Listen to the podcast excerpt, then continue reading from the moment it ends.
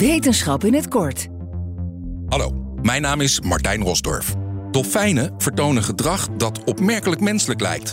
In het tijdschrift Proceedings of the National Academy of Sciences beschrijven onderzoekers de taal die dolfijnenmoeders tegen hun baby's gebruiken. En wat blijkt? Dolfijnen spreken motherese. Moeders, vrij vertaald beter, omschreven als koetsie koetsie koetsie. Mensen doen dat. Als we tegen baby's praten, wordt onze stem hoger en maken we kirrende geluidjes. Dolfijnen doen dat dus ook. En er zijn opnames van. Hier eerst een moederdolfijn zonder kalf. En nu een moederdolfijn met kalf.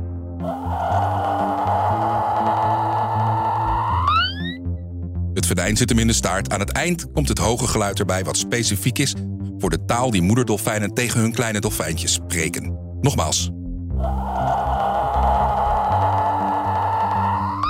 Een duidelijk verschil. De opnames zijn gemaakt in de buurt van Sarasota in Florida. De reden voor het gepiep en de hoge geluidjes is volgens de onderzoekers het versterken van de band tussen moeder en kind. Eerder was al bekend geworden dat dolfijnen namen hebben, in de vorm van een voor elke dolfijn uniek fluitsignaal. Nog iets wat we niet wisten: dolfijnen maken continu geluid. In ieder geval 100% van de tijd dat jongen bij hun moeder blijven. Dat is zo'n 6 jaar. We weten absoluut niet wat er gezegd wordt, maar dat er de hele tijd gecommuniceerd wordt, is wel bewezen. Spotify is partner van Wetenschap Vandaag.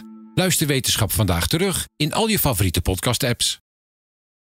Ook Hugo Reitsma vind je in de BNR-app. Superhandig die BNR-app. Je kunt alle programma's live luisteren, breaking nieuwsmeldingen. Je blijft op de hoogte van het laatste zakelijke nieuws. En je vindt er alle BNR-podcasts, waaronder natuurlijk de belangrijkste, Boeken zijn in de wijk.